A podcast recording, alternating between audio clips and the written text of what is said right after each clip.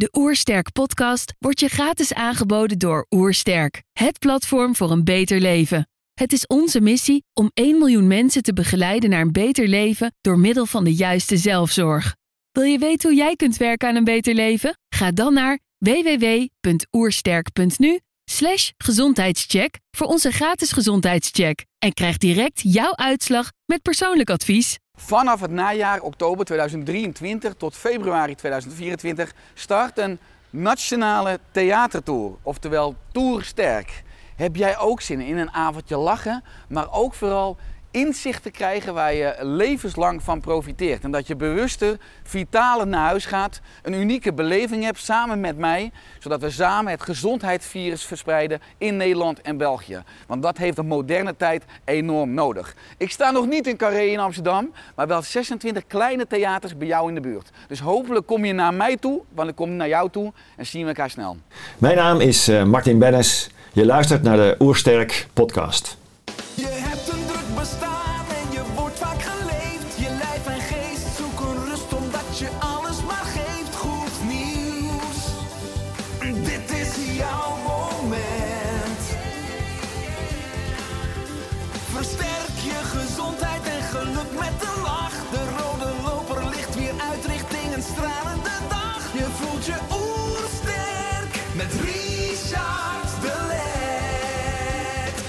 We zijn hier in Heemskerk voor een podcast met Martin Bennis.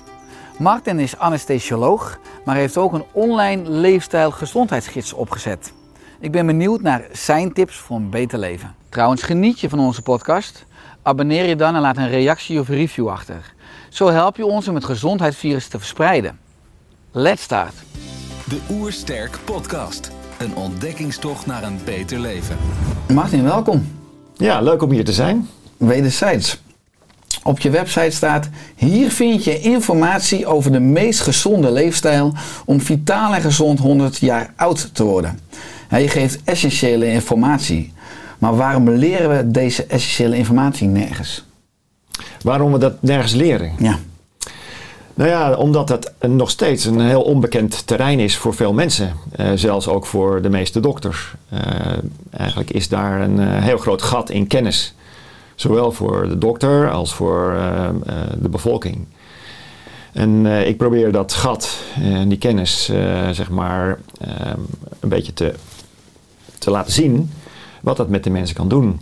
En daar probeer ik aandacht voor te vragen. Op mijn manier, voor, voor zover dat, dat hout slaat. Of Ja. je dat, eh, ja, dat, dat iets, iets voor de mensen kan betekenen. ja nou dat doe je op een hele sterke en prikkelende manier. Daar gaan we nu een uurtje induiken. Want ik lees ook op je website, je schrijft: Ik ben een medisch specialist in het vakgebied anesthesiologie. Die gedurende mijn loopbaan er steeds meer van overtuigd is geraakt dat preventief bezig zijn veel meer winst in gezondheid oplevert dan wat de curatieve zorg, waar ik al zo lang onderdeel van ben, momenteel doet. Hè, hoe is jouw persoonlijke interesse in preventie sinds 2017 ontstaan? Ja, eh, nogmaals, ik, eh, ik ga met plezier naar mijn werk al eh, heel veel jaar. Ik zit al 25 jaar in, eh, in het Alkmaar, in het Noordwest ziekenhuis. En ja, het is leuk werk, het is interessant, boeiend. Maar ehm, toch langzamerhand ging er bij mij toch wel een lichtje branden over het feit dat we, ehm, ja, dat we misschien toch een beetje eenzijdig bezig zijn in het ziekenhuis. En we vergeten eigenlijk de aandacht voor nou ja, dus die, die gezonde leefstijl en de preventie. Ehm, daarbij kwam dat ik zelf eh, eigenlijk eh, in 2016 ineens allerlei klachten bij mezelf herkende. Die ik daarvoor eigenlijk altijd voor lief heb genomen. Van nou, dat hoort blijkbaar erbij. Ik had altijd hoofdpijn. Ik heb, ik heb 10, 15 jaar lang hoofdpijn gehad. Gebruikte daarvoor eh, paracetamol. En dacht het zal wel een keer overgaan. Eh, en dat ging het eigenlijk nooit. Daarbij had ik buikklachten. Altijd een beetje een rommelend vol gevoel. Eh, niet helemaal lekker. Maar ik had ook altijd honger. Dus ik at de hele dag door. eh, brood. Ik dacht, nou, veel brood, is gezond, dat, dat hoort erbij. Met van alles. En daarbij ook nog allerlei andere tussendoortjes, zoals met z'n allen dat tegenwoordig nog steeds allemaal nuttigen. Hè, het is natuurlijk moeilijk om daar vanaf te blijven. En als je eenmaal begint met eten, nou ja, dan weet je dat je eigenlijk eh, de hele dag door wil eten. Maar ja, ik had dus die buikklachten, ik had dus die hoofdpijn. ehm, totdat ik op een gegeven moment ook aan mijn vingertoppen eh, rare verschijnselen kreeg, tintelingen. En op een gegeven moment kwamen die ook aan mijn voeten en aan mijn tenen. Rare tintelingen, totdat het steeds erger werd. En ik bij het gebruiken van mijn mobiele telefoon dus ineens een soort van schokjes kreeg. Alsof ik eh, onder spanning stond. En ik kon mijn hielen niet meer op de bank houden vanwege het pijnlijke gevoel aan de hielen. Dus toen dacht ik, nou, dit is niet goed. Eh, nu moet ik mezelf maar eens gaan onderzoeken. Dus ik heb eh, eh, laboratoriumonderzoek bij mezelf gedaan. Gewoon wat aangekruist. Naar het lab gegaan en de uitslagen na een paar dagen gekregen. Waaruit bleek dat ik een vitamine B12 deficiëntie had. En wel zodanig dat, ehm, nou ja, dat dat wel hechtelijk heel, eh, heel serieus was. Niet zomaar een klein beetje. Eh, dus nou ja, vervolgens me laten verwijzen naar de MDL en naar de neuroloog voor het reguliere eh, medisch onderzoek. Nou, ik heb een scopie gehad eh, van mijn maag, biopte genomen, darmonderzoek, poeponderzoek, neurologisch eh, onderzoek ehm, met MRI. Maar eigenlijk was er niks te vinden. Dus eh, werd ik eigenlijk het bos ingestuurd met het idee van... oké, de rest van je leven moet je maar vitamine B12 eh, spuiten. Met injecties. Dus toen ben ik begonnen met mezelf elke dag vitamine B12 in te spuiten. Maar goed, ik ben altijd een beetje eigenwijs. Ik denk, nou, daar neem ik geen genoegen mee. Ehm, dus toen ben ik gaan speuren en gaan zoeken naar wat nou dat zou kunnen verklaren. En eh, nou ja, van het een komt het ander. En dan kom je ineens op een eh, heel ander vakgebied eh, van die vitamine B12 eh. Waar heel veel over bekend is op het internet.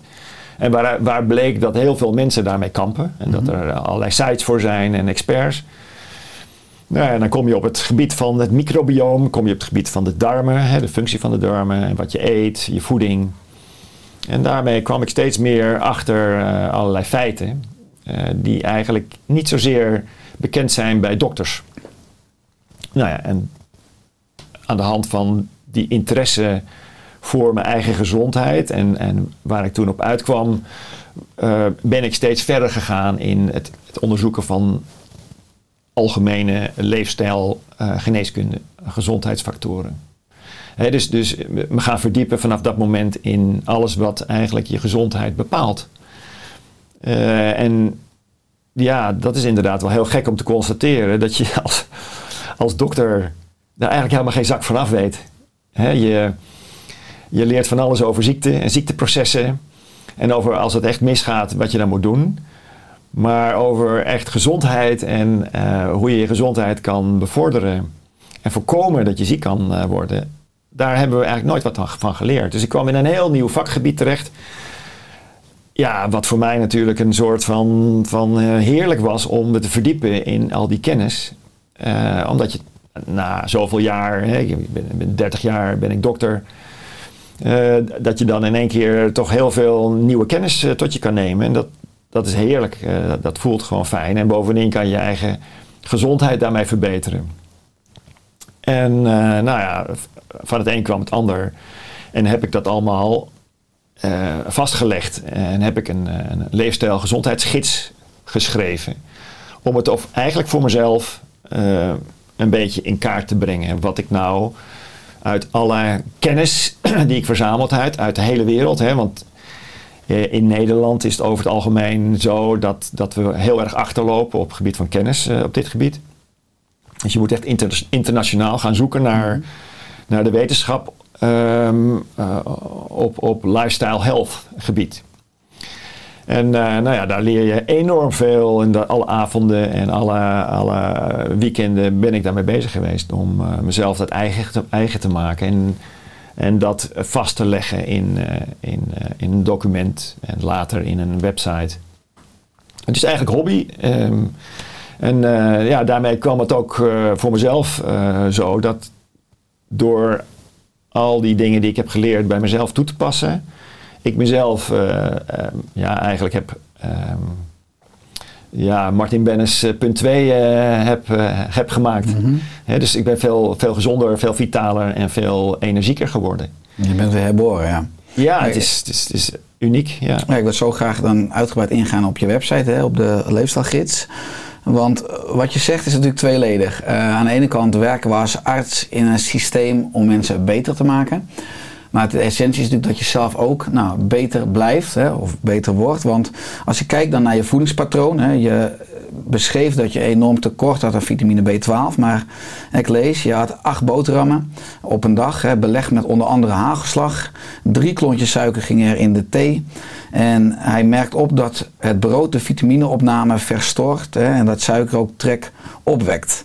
Nou, dat leidde tot een zoektocht met uiteindelijk de zin, hè, ik ben van plan om gezond 100 te worden. Ik lees ook een interview met je in het Noord-Hollands Dagblad, begin 2022.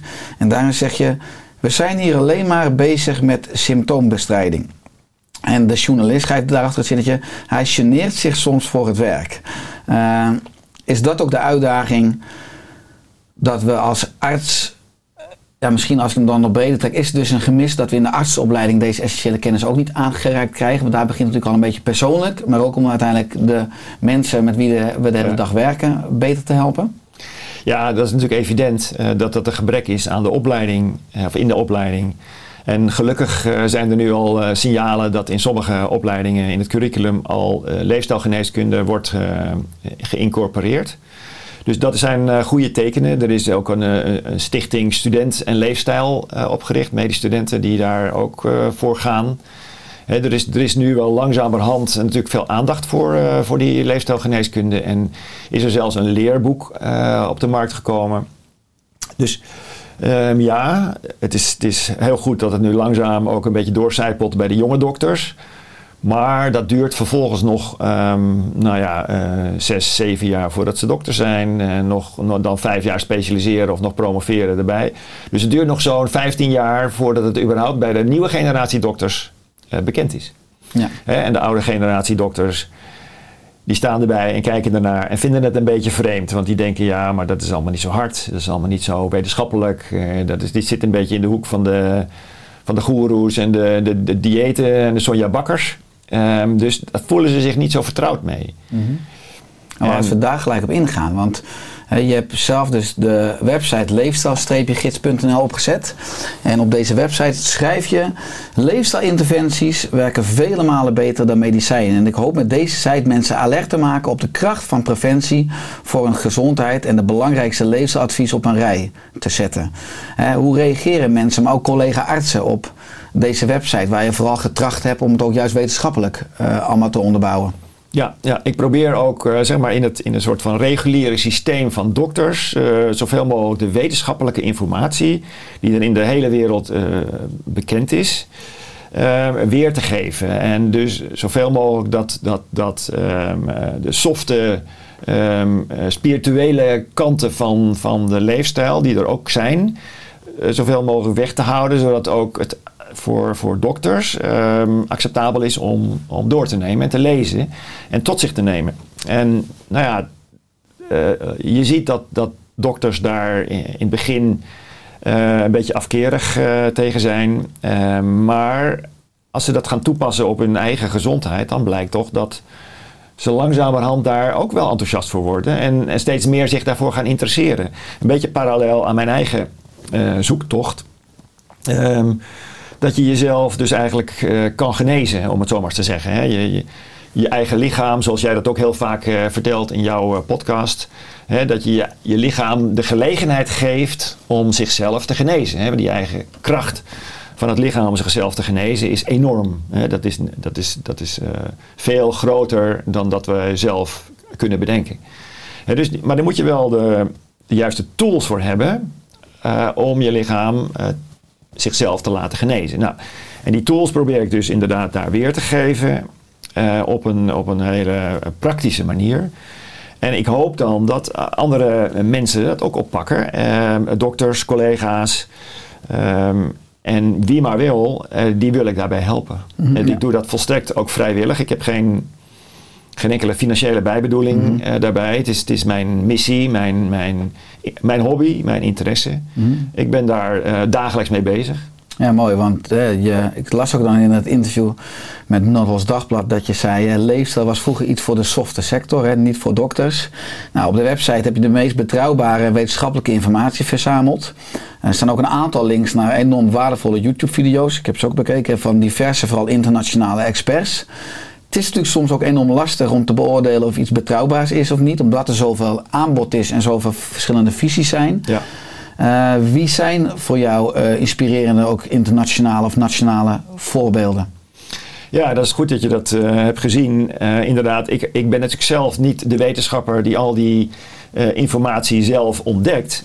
Alleen, ik ben een soort vertaler en een ontdekker van al die informatie die er in de wereld is. En probeer die samen te vatten op een manier die voor veel mensen ehm, goed inzichtelijk te brengen is. En te volgen is. En ehm, ja, kijk, niet veel mensen zijn ook eh, zeg maar in de internationale wetenschappelijke ehm, Engelse terminologie bekend. Dus om, om die vertaling te maken en om, om dat beschikbaar te maken aan iedereen, eh, volg ik eh, dus inderdaad veelal Engelstalige wetenschappers. Zoals het team van Pieter Tia. Eh, die heeft een soort van platform waarbij hij allerlei wetenschappers eh, eh, interviewt. en alle bekende informatie op het gebied van longevity. dat heet, zo is dat in het Engels de term. Die is een beetje lastig te vertalen. Longevity, Gezond en gelukkig oud worden. gezond, Ja. oud worden op een goede manier, Ja. vitaal. Vitaal en, en, en gezond oud worden. Eh, daar hebben zij een mooie term voor. Ehm, maar daar heeft hij dus die website opgezet. Ehm, en dat is niet commercieel. Hè. Veel Amerikaanse websites en, en van die onderzoekers... die moeten om zichzelf te kunnen blijven eh, onderhouden Voor een pensioen vaak in Amerika. Ja. moeten ze heel veel eh, spullen verkopen. Ja. En, en dat, dat zit een beetje, is altijd een beetje dubbel. Want dan moet je hun producten gaan kopen. Terwijl je denkt, nou, misschien zijn die producten nou ook weer niet zo heel erg goed. Hij wil losstaan van die commerciële bijbedoelingen. En je moet lid zijn van zijn platform om al die kennis volledig tot je te kunnen nemen. En ik ben gewoon lid, eh, dus ik krijg zijn eh, wekelijkse eh, e-mails. Ik, kan, ik krijg altijd een, een, een link voor over zijn podcast als die weer uit is gekomen. En hij interviewt echt alle meest ehm, ja, up-to-date wetenschappers die te maken hebben met eh, eh, een gezonde leefstijl internationaal. En nou die kennis die neem ik tot me en die probeer ik dan weer te vertalen naar het Nederlands en dat samen te vatten. Maar goed, dat is ook iets wat, wat jij natuurlijk eigenlijk ook een beetje aan het doen bent. Jij bent een soort de Nederlandse eh, Pieter Etia. En jij probeert ook al die informatie die er dan in het Nederlands beschikbaar is en die ehm, eh, ook voor de mensen een beetje in hapklare brokken moet worden gepresenteerd. eh, laat jij dat ook zien in jouw eh, podcast. Dus, dus Ja. daar zit een hele grote analogie in. En, en, Ja. Maar goed, die, die Pieter Tia die haalt echt eh, het op een hele wetenschappelijke manier. haalt hij de mensen naar voren en die geeft hij een, een goed interview. En hij is ook bezig met een, met een leerboek te maken wat volgend jaar dan uitkomt. Maar naast Pieter Tia is, is, is ook zeg maar heel interessant om te volgen is eh, Dr. Perlmutter. Hij is eh, ook een enorme, eh, ja, intelligente man die, die zijn sporen verdiend heeft, veel boeken schrijft in Amerika. Ehm, en die is dan een, hij is dan een neuroloog. Ehm, maar ook hij geeft podium aan andere mensen die op het gebied van gezonde leefstijl en, en neurologische ziektes en Alzheimer zijn ze heel erg veel mee bezig, preventie daarvan. Ehm, en de, de, het effect van de gluten in de darmen en het microbioom. eh, nou, noem het allemaal op. Heel veel informatie. Ook zijn site is heel erg eh, interessant om, om eh, te zien. Daarnaast volg ik nog veel meer Ja. eh, wetenschappers. Ja, maar ik zag qua Nederlandse inspirerende mensen Hanno Peil en Willem Kotvriend staan. Die ook beide Ja. op deze stoel hebben gezeten in Ja. onze podcast zijn geweest. Ja. maar als ik ga kijken naar ook gewoon praktisch, hè, wat je allemaal mooi bundelt op je website. Eh, je passie op leefstijlgebied richt zich onder andere op voedingsinterventies. Dus vaste autofagie, maar ook inspanningsfysiologie, lichaamsbeweging, slaap, emotionele en mentale gezondheid. De invloed van giftige stoffen, ook steeds belangrijker denk ik. En ook eh, supplementen. Met welke laagdrempelige tips kunnen mensen, luisteraars, kijkers eh, gelijk al starten? Wat zijn nou op deze gebieden ja, praktische tips? Je bedoelt over alle, alle leefstijl ja, misschien kan je over een paar dingetjes een praktische tip geven. Het zijn natuurlijk wel Ja. enorm veel gebieden, maar voel je Ja. vrij. Nou ja, mensen denken altijd, een gezonde leefstijl, dat is eigenlijk heel simpel. Je moet een beetje meer bewegen en minder eten en dan komt het toch goed. Maar zo simpel is het eigenlijk ook niet. Je moet, eh, moet zeg maar, als je de, een combinatie doet van alle, alle tips eh, die ik heb, ja, moet je kijken naar al die verschillende onderdelen van het leven waar je, waar je zeg maar winst kan boeken op je gezondheid.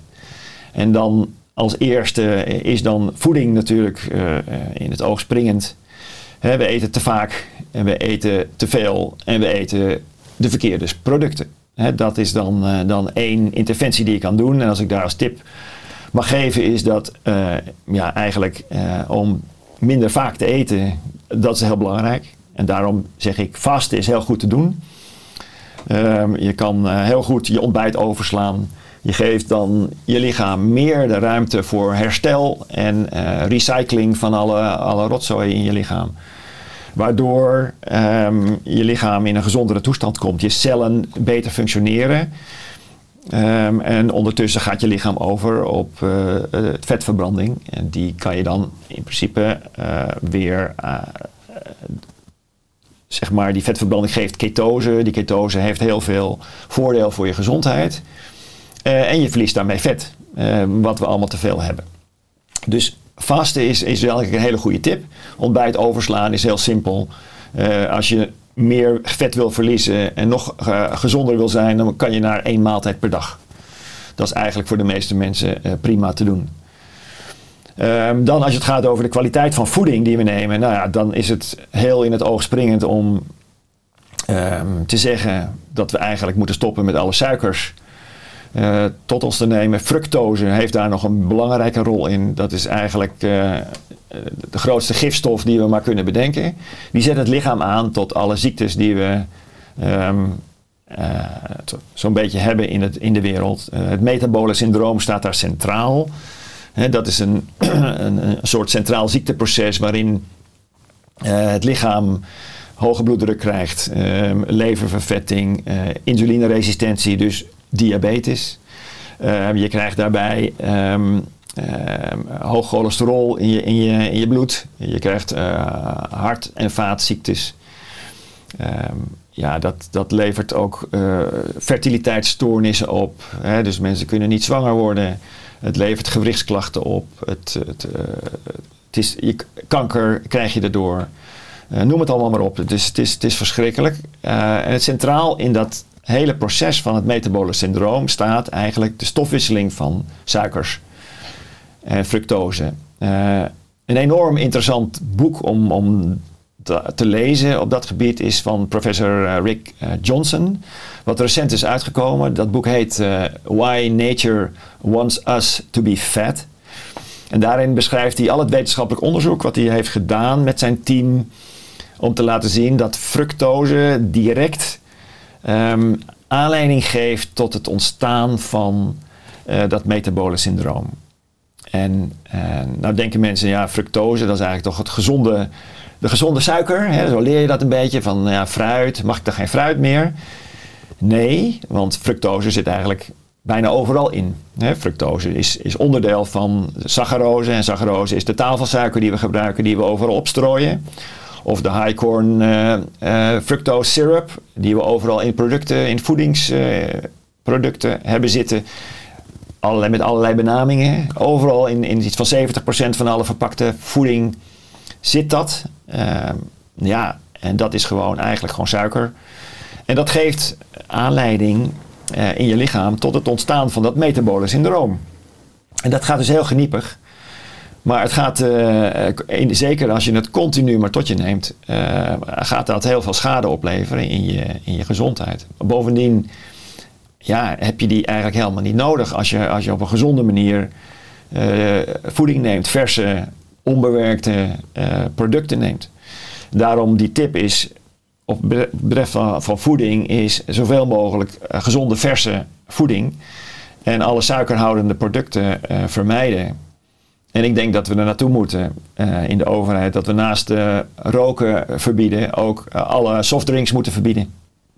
Alle frisdranken. Frisdranken. Want ja, ik denk dat dat het grootste gif is wat we met name ook de jongeren aandoen. Hè, ik, ik zeg wel eens, ik ben een fan van Max Verstappen.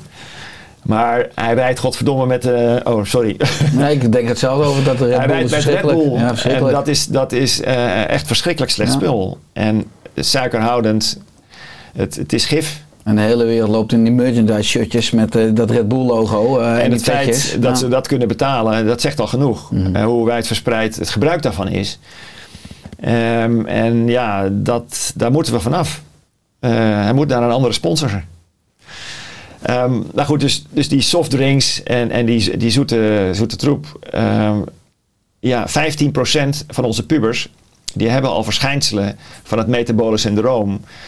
En hebben dus al ziektes die passen bij wat, wat vroeger behoorde bij de, bij de oudere populatie boven de 60. Die hebben al hoge bloeddruk, die hebben al hoog cholesterol, die hebben al leververvetting, die hebben al insulineresistentie. En dat zou eigenlijk onze gezonde populatie moeten zijn. En dus is het wijd verspreid. Dus, dus naast roken ehm, stoppen met die, eh, met die softdrinks. En je noemt net één maaltijd. En nu zeg je me ook qua voeding wat je beter niet kan eten. Hoe zou die ene maaltijd per dag dan eruit moeten zien qua optimale samenstelling? Qua, misschien ook qua macronutriënten, qua koolhydraten, eiwitten en vetten. Ja. ja, nou, kijk, mensen zijn altijd bang dat ze te weinig energie hebben. Hè. Dat, dat, dat- is een, er is een volstrekte misvatting hè, dat we de motor eh, van het lichaam, eh, de stofwisseling, aan de gang moeten houden. Ehm, eh, met veel eten en frequent eten. Dat is absoluut, nou ja, om het hard te zeggen, onzin. Hè, ons lichaam, onze fysiologie, onze stofwisseling gaat altijd door. Daar hebben we geen voeding voor nodig. We krijgen gewoon altijd Ehm, ja, eigenlijk iedereen bijna te veel aan voeding bi- binnen. Ehm, waardoor wij eh, onszelf ongezond eten. Eh, dus we hoeven ons geen zorgen te maken over de hoeveelheid calorieën die we tot ons nemen. En kan je prima met één maaltijd per dag. Ehm, als, je, als je zeg maar tussendoortjes wil doen, dan zijn er ook heel gezonde tussendoortjes. Hè. Als je het niet helemaal eh, zeg maar volhoudt tot het eind van de dag, dan kan je prima met snoepgroentes en met eh, noten en met, eh, met allerlei gezonde producten prima nog de dag doorkomen. En dan eet je aan het eind van de avond, zeg ik altijd, ga je hè, de tijd die je hebt bespaard en het geld dat je hebt bespaard met het overslaan van je ontbijt en het overslaan van je lunch, kan je prima, zonder dat het extra kosten heeft, kan je een, een verse eh, maaltijd maken, zelf bereiden, daar de tijd voor nemen, het gezellig maken eh, om te koken. En dan ga je een, een koolhydraatarme maaltijd eh, tot je nemen. Hè. Dus dan vermijd je de, de standaard pasta, de standaard aardappelen of rijst. En dan ga je gewoon met veel groentes, met veel. Hè, de, groenten zijn natuurlijk belangrijk, daar zitten ook koolhydraten in overigens. Maar in een lage concentratie, die niet aanleiding geven tot het ontstaan van het metabole syndroom. Ga je ehm, dat combineren met eiwitten. Eiwitten zijn ook een belangrijk onderdeel van het lichaam. Samen met de vetten, want die geven samen verzadiging. En dat is wat we nodig hebben. Ons lichaam wil verzadigd raken. Die wil het gevoel hebben dat je voldaan bent na het eten. Nou, daarvoor heb je die eiwitten met name nodig en de vetten. Nou ja, als je het hebt over de eiwitten, dan kan je er prima gewoon vlees, eh, kip, eh, eh, vis eten. Ehm, als je een salade neemt, kan je dat er ook prima in vermengen, samen met noten, met zaden. Ehm, en dan de vetten met, met olijfolie of met, met wat ik veel gebruik zelf is zeg maar de kokos, kokosolie, wat een geweldig product is. Eh, en en de, juiste vetten met zich meebrengt. Dus, dus je kan heel goed met op een andere manier denkend, eh, koolhydraatarm, gezond, vers en het liefst biologisch dan je maaltijd eh, samenstellen. En dan, dan sluit je dat af met een dessert met, met volle kwark of, of yoghurt. Wat ook heel gezond is voor je, voor je microbioom met wat fruit. Mhm. Ja, want Enerzijds zeg je net van we zouden frisdranken mogen verbieden hè, vanuit de politiek. Anderzijds zeg je van dat we bij de jongeren al zien dat 15% metabol syndroom heeft. En dat is onze toekomst. Hè. Daar, die ouderdomsuikers, uh, die ouderdomsziektes uh, treden steeds eerder op. En dat is zorgelijk als dat nu al in die groep zichtbaar is. En wat zou jij doen als minister van Voeding en Leefstijl met een enorme bak geld en uh, enorme vrijheid om dingen door te voeren? Nou ja, Um, dat lijkt me niet zo heel ingewikkeld. Ik denk dat je sowieso um, uh, de zorg, het geld wat nu naar de zorg gaat, daar moet je, moet je direct uh, 10% van af uh, choppen en dat stoppen in uh, preventie en in scholing. Ik denk dat we moeten beginnen bij, bij onze jeugd. We, geven onze, onze kinderen één of twee uurtjes lichamelijke opvoeding op school. Nou, dat is spelen met een bal. Dat stelt tegenwoordig niet zoveel meer voor. Um, mijn vader was vroeger nog van de ouderwetse stempel en leraar lichamelijke opvoeding. En die vond eigenlijk dat, uh, dat het niet alleen maar een beetje spelen is in de, in de gymzaal. Leuk met een bal. Nee, dat heeft inderdaad te maken met lichamelijke opvoeding. Dat betekent dat je de kinderen uh, leert wat een gezonde leefstijl is. Dus ik denk dat dat veel breder is dan alleen maar een beetje sporten. En dat je die kinderen leert bewegen, dat je kinderen leert wat gezondheid is, dat je kinderen leert wat voeding is. Dus ik denk dat we direct moeten beginnen bij de lagere scholen om daar gezondheidsleer um, in het curriculum te stoppen. Uh, dat ze daar, uh, uh, ja, ik denk een paar uur per week gewoon gezondheidsleer krijgen, met ook bewegen. He, professor Scherder die is natuurlijk van het bewegen, van het ommetje en van, van ook op scholen dat stimuleren. Nou, daar sta ik natuurlijk volledig achter. We moeten met z'n allen veel meer bewegen. Dus die kinderen die op school de hele dag zitten, die moeten met veel meer pauzes veel meer bewegen. Maar ze moeten ook al beginnen met die lessen gezondheidsleer. Daar zou je geld naartoe moeten stoppen, zodat ook de jeugd um, dat kan gaan omarmen. Je ziet nu ook dat de jongeren eigenlijk de motor zijn voor de, alle milieukwesties, die maken dat aanhangig. Die zijn allemaal heel erg uh, bezig met de toekomst van onze, onze planeet. En ik denk dat dat parallel zou kunnen lopen met, met hun aandacht voor gezondheid. Want wij zijn natuurlijk bezig om onze planeet te, te verwoesten. Maar we zijn ook bezig met onze eigen gezondheid te verwoesten. Dus op de manier zoals wij nu bezig zijn. Ons lichaam is ook een stukje aarde. Daarom. Dus, dus dat kan heel goed meegenomen worden. Ik denk dat die, die, die aandacht daarvoor moet komen. Uh, vanuit de overheid kan je dat stimuleren en zou daar een groot deel van het geld naartoe moeten gaan om die beweging op gang te brengen bij de jongeren. Daarnaast zou je, uh, denk ik, gezondheidsleefstijlcentra moeten gaan oprichten. Zoals ik dat ook uh, verkondig, moeten de mensen gewoon de mogelijkheid hebben om jaarlijks of tweejaarlijks of, of wanneer dan ook analoog aan wat we doen bij de tandheelkunde, uh, een controle, een check-up van hun gezondheid uh, te krijgen.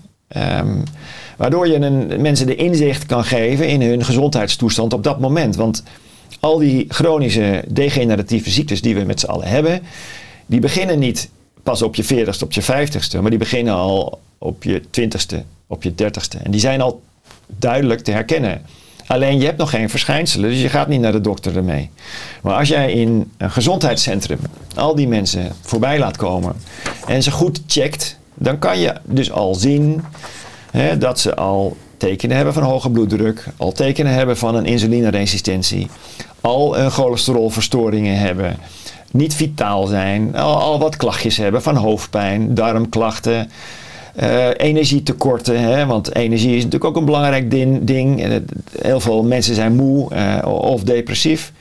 Heeft heel erg direct een relatie met die gezonde leefstijl. Nou ja, dus je kan uh, daarvoor een enorme winst boeken als je die mensen al vanaf jongs af aan gewoon met een jaarlijkse controle langs laat komen bij een leefstijl gezondheidscentrum.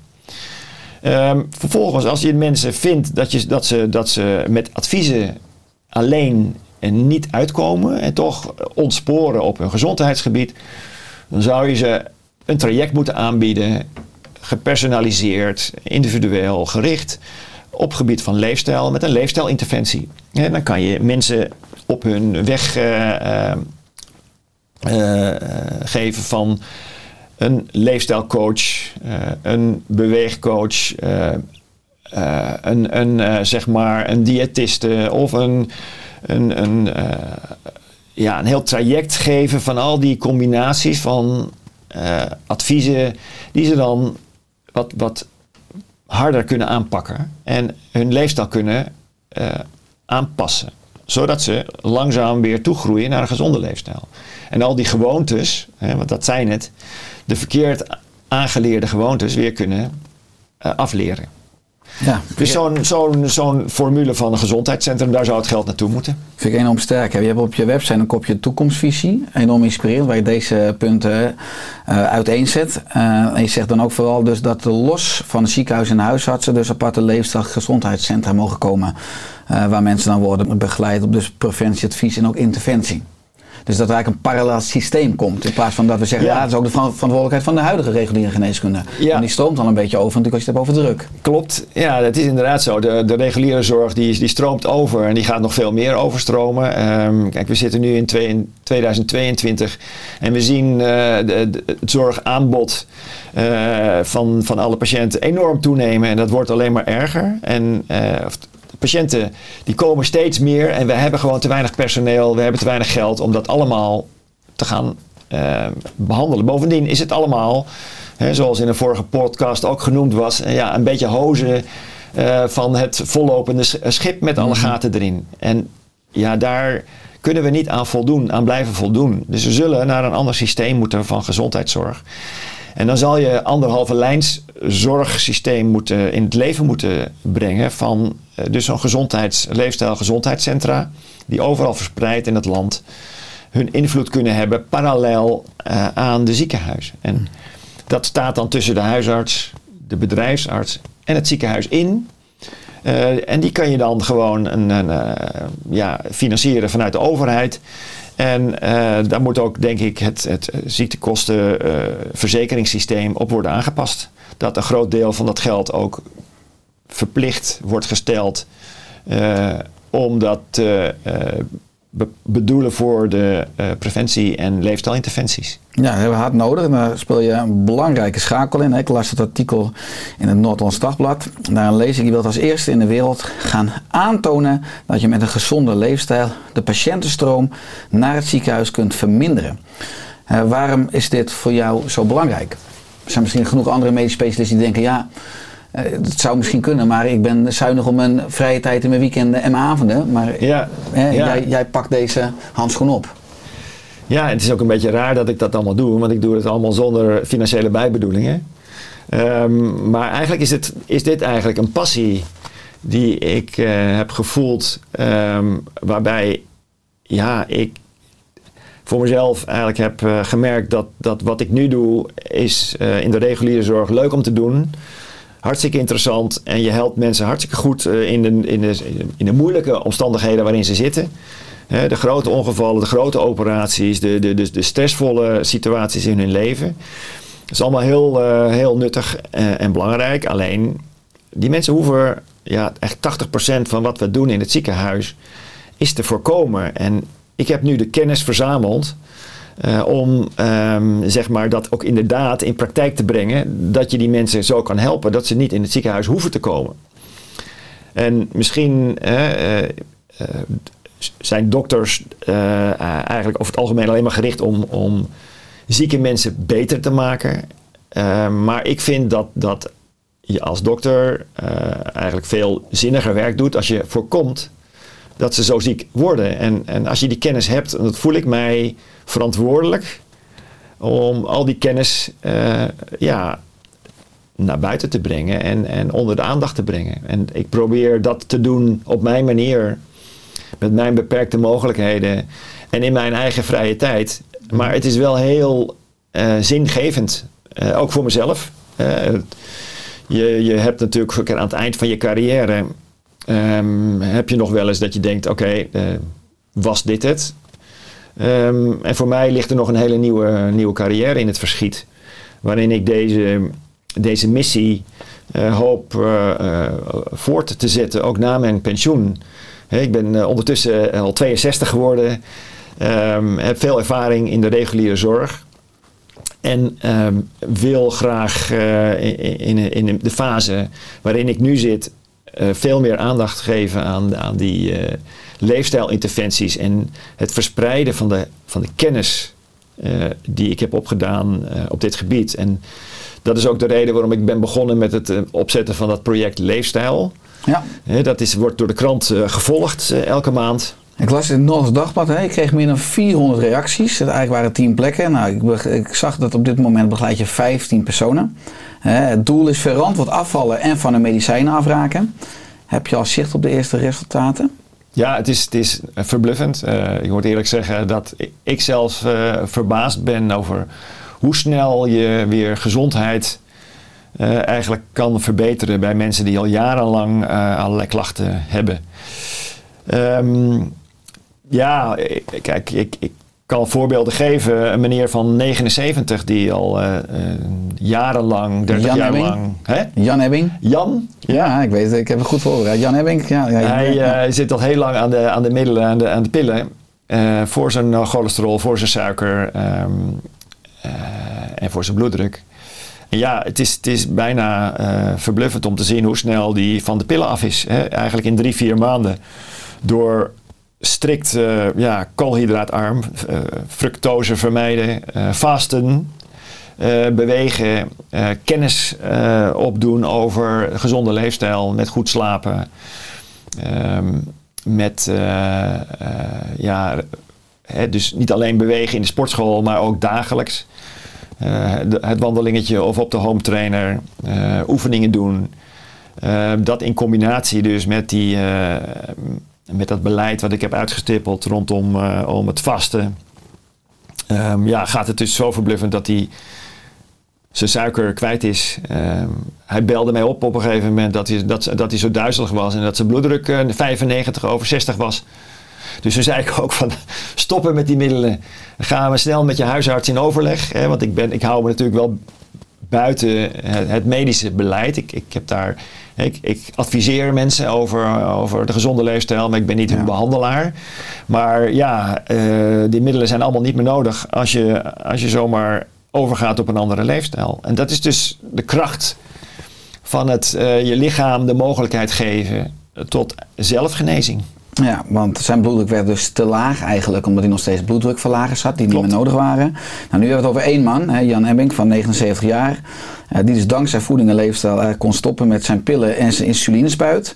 Ik vond het grappig dat hij ook zei in een krantartikel wat ik las, ik eet bijna geen brood, pasta en aardappelen, hè, meer. Eh, maar vandaag krijgen nog heel veel mensen de diagnose diabetes type 2. Hè, ongeveer zo'n 150 personen per dag, ook vandaag. En die gaan naar de diëtist en die krijgen Ja. koolhydraatrijke eh, voedingsplannen. Ja. Die krijgt het advies van eet nou 6, 8 keer op een dag en hou dat motortje draaiende. Dus eh, nu hebben we het inderdaad over die ene persoon. Maar hoe, hoe, ja, we moeten naar die revolutie toe in die massa. En we hebben natuurlijk nog dan te maken met enorme achterhaalde officiële koolhydraatrijke voedingsrichtlijnen, Klopt, adviezen. ben ik eh, met je eens. Eh, mijn, mijn dochter Juliette, die ehm, studeert voeding en diëtetiek. En eh, ja, die, die zegt dat natuurlijk ook, dat ze dat nog steeds leren. Hè? Hè, de, de, de, de schijf van vijf en, en alle adviezen. Dat is allemaal achterhaald. Ehm, maar ja, de kennis die, ja, die jij en ik hebben, die is nog niet doorgedrongen in de reguliere zorg. In de reguliere kennis eh, van de instituten in Nederland. En, en dat is ook een beetje vloeken in de kerk voor hun. Als je het, als je het hebt over vasten, koolhydraatarm eten. Dan denken ze al gauw toch dat je een beetje raar bent. Eh, en dat je tegen de, de, de, de reguliere zorg in bent. Hè, de, de, de richtlijnen.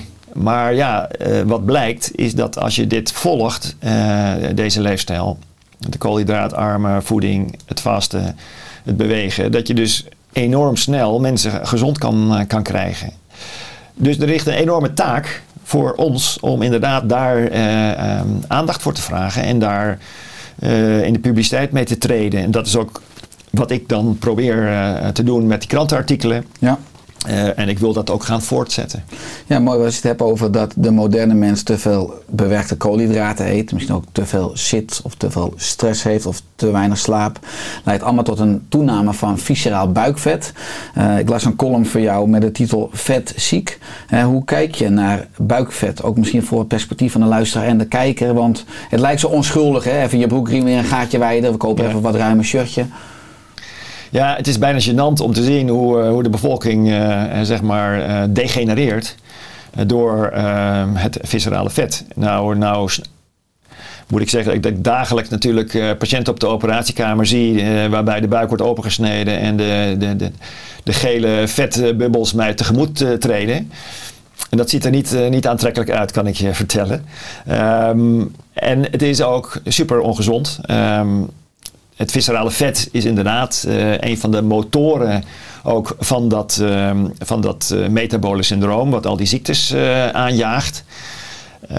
Het is ook zo dat dat samen met dus de intake, de verkeerde intake van, van fructose en glucose, eigenlijk het allerbelangrijkste ziekmakende proces is in, in, in het leven. Dus als je daar eh, korte metten mee kan maken door eh, ze dat viscerale vet eh, te laten opeten door inderdaad met vasten en koolhydraatarme voeding ze in ketose te krijgen en ze dat viscerale vet te laten opeten.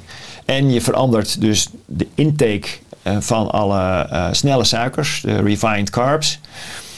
Dat je daarmee eh, dat proces van metabol syndroom direct kan doen stoppen. En mensen weer ja, eigenlijk gezond kan laten worden. En dat kan heel snel. Dat kan ik dus laten zien dat je met een intensieve eh, leefstijlinterventie. Dus eigenlijk zo enorm snel al resultaten kan boeken. En eh, nou dat verbaast mij ook. eh, dat je in zes maanden tijd dat, dat al goed voor elkaar krijgt. De, de meeste mensen met diabetes type 2 hypertensie en, en hoog cholesterol weer helemaal op de rails kan krijgen. Ja, en hypertensie is hoge bloeddruk. Ja, want Ja. zelf ontbijt je nooit. Hè. Je noemt nu de kracht van vasten. Hè. Ik lees dat en na 24 uur vasten heb je 250 gram vet verbrand. Hetzelfde bereik je met 6 uur fietsen met een snelheid van 20 km per uur. En 3 uur hardlopen of 3 uur hardlopen dan natuurlijk met een snelheid van 10 km per uur. En continu komt ook terug dat de moderne mensen eigenlijk niet meer dan 50 gram koolhydraten per dag zouden moeten eten. Dat is eigenlijk koolhydraatarm. Het ketogene dieet is dan nog minder dan 30 gram, waar we ook eigenlijk aparte Oerstek podcast over eh, hebben gedaan. Ja, als, van, als ik kijk naar je eigen leven, is je eigenlijk, ik ontbijt zelf nooit, dus voeding. Maar ook dat je altijd ook naast je opleidingen altijd intensief aan sport hebt gedaan. Zoals hockey in de hoofdklasse, schaatsen, zoals twee keer de Elfstedentocht, skiën, zeilen, surfen. Wat brengt sport in jou? Nou ja, sporten, eerlijk gezegd, is, is eh, onderdeel van mijn leven eh, geweest vanaf jongs af aan. Ik vertelde al mijn vader natuurlijk leraar lichamelijke opvoeding eh, was. Dus ik ben opgegroeid met sport en, en bewegen. Dus voor mij is het eigenlijk altijd onderdeel van mijn DNA geweest. En ik heb er altijd heel veel voldoening uit gehaald. Ehm, eh, sport, je hebt er wel eens geen zin in. Maar als je het gedaan hebt, dan denk je altijd weer van... Hé, wat lekker eigenlijk. Wat stom dat ik dat niet wat vaker doe. En het gaat niet altijd... Hè, want mensen denken, ja, maar dat is topsport en dat is helemaal niet goed. En, eh, nee, het gaat ook niet om topsport. Het gaat om bewegen en om jezelf eh, aan de gang te laten zijn. Het kan ook in de tuin zijn. Een, een beetje eh, rommelen in de tuin is al beweging. Het naar je werk toe fietsen. Ik, ik, ik ben absoluut geen fan van de e-bikes. want ik kom ze natuurlijk elke dag tegen. Ik ga naar mijn werk op de fiets. 10 kilometer hè, op een gewone fiets. Ja. En, eh, maar dan komen natuurlijk allerlei eh, mensen en ook collega's met een e-bike mij voorbij. En eh, dan denk ik, ja, het is weer gemak wat de mens dient. Maar ehm, die, die uitspraak is volstrekt misplaatst. Gemak dient de mens niet. Hè? Want we krijgen inderdaad een zittend bestaan. We gaan met de e-bike naar het werk. We gaan met de lift naar de derde etage. We zitten achter onze computer de hele dag door en we doen niks. En we, we vervetten en we worden ziek. Ehm, ja, dus eh, we moeten die beweging moeten we zoveel mogelijk eh, promoten. Eh, Het is dus, wel interessant dat je mag onderbreken wat je nu zegt over de e-bike. Wat dat ik ook steeds meer kinderen en ook middelbare scholieren, want jij fietst 10 kilometer naar je werk. Nou, even Ja. zwart-wit hoor, maar Heel veel ouders vinden het zielig als een kind 10 kilometer naar de middelbare school moet fietsen met wind tegen en dan krijgt het zweet op de rug. En, Ja. eh, maar we kunnen ook zeggen als maatschappij of als ouders van onder de 18, net als roken, mogen kinderen al geen e-bike. Zou een hele mooie zijn. Heel leuk. Ja. Er gaan even reacties op komen, dat weet ik al. Maar we zijn wel als volwassenen verantwoordelijk voor het creëren van die vitale leefomgeving voor onze Juist, kinderen. juist, het is essentieel. Hè, die beweging die, die raakt eruit met. Kijk, ik had vroeger geen eh, mobiele telefoon, ik had geen computer, de televisie bestond nauwelijks nog. Ik was altijd buiten aan het spelen. Ehm, ja, dus toen was dat helemaal niet in vragen. En nu zie je al die kinderen alleen maar eh, achter dat schermpje zitten. Ze bewegen niet meer. En dan moeten, gaan ze nog wel naar een sport toe. Nee, dat is dan één keer in de week, misschien twee keer in de week. Nou, eh, poe, poe, poe, dan zijn ze al echt al eh, heel eh, enthousiast. Maar dat is niet de oplossing. We moeten weer dat bewegen incorporeren in ons dagelijkse leven. Om, de, om, om de twee uur, als je, als je niks hebt gedaan, moet je even knie, kniebuigingen doen. Moet je al even de trap lopen. Moet je al eventjes wat gaan doen. Elke kleine beweging is winst. En eh, zo moeten we dat weer gaan, gaan oppakken. Ehm, en natuurlijk, het is niet het enige. Maar al die kleine dingen bij elkaar, die helpen in gezondheid. Want ehm, wil je gezond leven, moet je al die aspecten van gezondheid, waaronder bewegen, waaronder die voeding, waaronder dat vasten, waaronder de goede slaap, waaronder ehm, eh, zeg maar de ontspanning zoeken. Maar ook spanning. Het is ook goed om, om spanning te hebben, want met spanning kom je tot iets, kom je tot prestaties. Maar je moet dat ook weer compenseren met ontspanning. Al die verschillende facetten van de gezonde leefstijl moet je eigenlijk in je leven zien weer in te bouwen. Nou ja, dat is wel nog een hele missie om dat eh, inderdaad eh, iedereen duidelijk te maken dat dat allemaal erbij hoort. Ja, en dat is harder nodig dan ooit. Daar hebben we veel energie voor nodig. Je beschreef net hè, je situatie in 2016. Je had enorm veel hoofdpijn. Eh, toen was je vaak ook moe s'avonds. Door je nieuwe leefstijl heb je s'avonds nu nog energie voor het lezen van vakliteratuur. En voor het verspreiden van je leefstijlboodschap. Hoe zorg je overal met ja, al die ballen die je hoog houdt voor balans? Of zeg je van, omdat het allemaal mijn passie is, ja, kom ik Nou ja, eigenlijk nooit meer in de min. Dat is natuurlijk ook een van jouw eh, topics, hè, zingeving. Eh, het is natuurlijk zo dat eh, doordat je met iets bezig bent wat, wat zinvol is, wat, wat echt heel essentieel nodig is in de maatschappij, ehm, je deze missie ehm, makkelijk kan volbrengen. Want dat geeft mij enorm veel ehm, ja, gedachten, toekomstvisies. Eh, je helpt mensen echt op een serieuze manier eh, eh, met hun gezondheid. Ik, ik, ik begeleid natuurlijk naast dit project Leefstijl ook andere mensen. Die probeer ik te inspireren, probeer ik te helpen met een gezonde leefstijl. En dat, dat, heeft ook zijn, dat werpt ook zijn vruchten af. Dat is heel motiverend. Dat helpt mij ook. ehm, of dat geeft mij bevestiging in, in waar ik mee bezig ben, om dat ook door te zetten. Maar voor mezelf is het motiverend. En ja, nogmaals, ik, door het feit dat ik eh, deze leefstijl eh, heb opgepakt voor mezelf, heb ik veel meer energie dan dat ik ooit heb gehad. En, en dat, zou ik ook, dat gun ik ook andere mensen. Ehm, je zou het. eh, ik had het zelf van tevoren ook niet gedacht. Hè, want ik dacht, ik ben gezond en ik mankeer niks. En nou ja, een beetje hoofdpijn, nou ja, een beetje buikklachten. Ah ja, pff, Het hoort bij me. dat hoort allemaal bij me en zal wel. Totdat ik in één keer toch een soort van ja, openbaring op dit gebied heb gekregen. Dat ik denk, oh, zo zit dat. Maar ja, dat had ik eigenlijk tijdens mijn studie moeten leren. Want dit zijn allemaal zaken die we echt in de geneeskundestudie eh, moeten weten. Want daarmee help je mensen echt. Er zijn, langzamerhand zie je nu ook in het land enkele medisch specialisten die zich bezig gaan houden met die leefstijlgeneeskunde. Die een eigen kliniek willen gaan opzetten, een leefstijlkliniek. Ik las net weer een artikel over, eh, ook in de medisch contact, van een jonge neuroloog, eh Wardell, eh, Amerika, die dus ook bezig is met het opzetten van een, een leefstijlkliniek. Ehm, ja, we moeten dat zien eh, bij elkaar te brengen, inderdaad, eh, tot, tot een landelijk netwerk van leefstijlklinieken die mensen gaan begeleiden in hun transitie naar de gezonde leefstijl. Ja. Ja, helemaal met je eens. Als ik kijk op jouw levenspad, dan heb je als arts-assistent meerdere dingen gedaan. Hè, waaronder orthopedie in militaire dienst in Utrecht. Maar je bent ook in Engeland geweest voor orthopedie. Hoe waren deze ervaringen? Nou, je bent als dokter natuurlijk, ehm, eh, als je net klaar bent aan het zoeken van wat is mijn richting, waar wil ik eh, uiteindelijk eh, de rest van mijn leven in werken. En dan is het heel leuk om verschillende ervaringen op te doen in diverse vakgebieden. En ik heb een brede interesse en ik, daarom heb ik ook meerdere dingen gedaan voordat ik uiteindelijk de keuze heb gemaakt tot, in, tot de anesthesiologie. Wat ik uiteindelijk het leukste vak vind wat er in de wereld is. het is hartstikke leuk om, om dat vak te doen.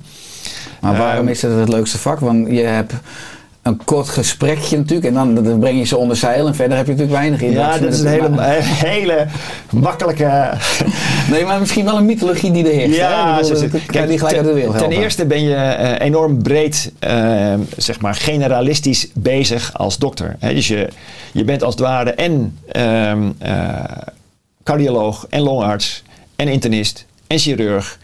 Eh, en anesthesioloog, om al die mensen tijdens eh, dat proces van een operatie, om die te begeleiden. En je moet inderdaad van al die vakken afweten en je moet ze ook pre-operatief, moet je ze zien en moet je ze zien te optimaliseren. En dat is leuk dat je dat zegt. We zien nu eh, analoog aan die hele leefstijlbeweging ook binnen ons vak van chirurgie en, en van, van eh, anesthesie dat prehabilitatie wordt een belangrijk ding.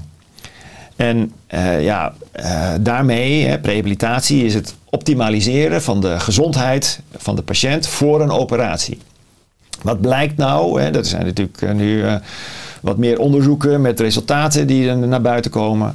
Dat die prehabilitatie, dat optimaliseren, als je dat een week of zes van tevoren doet voor een operatie, dat zelfs bij patiënten die, die toch serieus kanker hebben en, voor een grote operatie gaan, dat als je die een programma geeft met beweging, eh, intensieve beweging, met, met voedingssuppleties, met, met adviezen. ehm, eh, ze duidelijk voorbereid op een operatie. Dat, dat in zo'n rehabilitatietraject ze hun vitaliteit duidelijk eh, verhogen. En dat ze door eh, zeg maar die rehabilitatie na de operatie sneller herstellen. ehm, minder ziektedagen in het, in het ziekenhuis hebben. ehm, minder complicaties na een operatie hebben. Dus wetenschappelijk is dat nu al aangetoond dat dat zinvol is. Nou, dus je ziet dat nu omarmd worden door allerlei specialismen. Want die denken, ja, als ik een patiënt opereer, hè, wil ik natuurlijk graag de beste uitkomsten hebben. Hè, dat is mijn, mijn doel als chirurg zijnde. Nou, met die prehabilitatie, wat eigenlijk niks anders is dan wat wij natuurlijk in die gezonde leefstijl willen bereiken bij iedereen. En niet alleen voor zes weken voor een operatie, maar al vanaf jongs af, jongs af aan. eh, eigenlijk die, die, die prehabilitatie willen introduceren. We moeten die noodzaak overal creëren eigenlijk. Niet alleen Ja. maar voor een operatie. Ja. Dus, maar dat is dan nu zo'n wetenschappelijk eh, topic, wat dan ineens eh, naar buiten komt. Hè. Bij ons op de anesthesiologendagen, het Nationale Congres, is daar een presentatie over gegeven. Dus iedereen raakt ineens van, hé, hey, wat is, dat is interessant, rehabilitatie. Maar ja, inderdaad, dat gaat eigenlijk veel breder. Ehm, maar je ziet dus dat dit soort aspecten ook binnen de anesthesiologie een rol gaan spelen. En het, duurt heel lang voordat dat natuurlijk eh, helemaal eh, ingebouwd is in, onze, in het zorgsysteem. Maar ook daar gaat het langzaam eh, binnenkomen. Maar de anesthesiologie is dus een heel breed vak. waarbij je heel veel mensen van verschillende, met verschillende ziektes moet begeleiden in de moeilijkste momenten van hun leven. We zijn bovendien eh, zitten we altijd op de eerste hulp. Hè. We, reanimeren patiënten. Dus je bent daarin ook heel intensief bezig met, met patiënten. Eh, je bent op de intensive care eh, betrokken bij de, bij de ernstige zieke, ziekteprocessen. Dus het, je bent heel erg bezig met fysiologie, met, met anatomie, met de gezondheid van de mens. Dus daarom heeft het zo'n enorme link met leefstijl. We zijn eh, nog een van de weinige generalisten in het ziekenhuis. Al die chir- eh, al chirurgen specialiseren zich op een op vakgebiedje, die trekken zich terug. De, je hebt de oogarts, die weet alleen maar nog maar van, de oog, van het oog wat af. Eh, je hebt de orthopeed, die doet alleen maar in de gewrichten. Zo gaat iedereen in zijn eigen topic. Al die subspecialisten die het overzicht zijn verloren. Juist. En wij zijn nog een van de weinige grote vakgroepen die zich een generalist kunnen noemen. Dus voor ons, ik vind dat ook onze taak om, om dit verhaal van die prehabilitatie aanhangig te maken en, en in veel mogelijk eh, dat proberen te promoten. Ja, Dus, dus ja, heel interessant vakgebied. ja, helemaal met je eens. Gaat een nieuwe wereld open. Mooi dat je het zo toelicht. Want je bent als arts opgeleid in het VUMC eh, Amsterdam. Je behaalde je specialisatie in het LUMC, dus Leiden. Eh, je werkt nu als specialist bij de Noordwest Ziekenhuisgroep, dus in Alkmaar. Is het werkklimaat ook overal hetzelfde of zijn er ook verschillen tussen ziekenhuizen?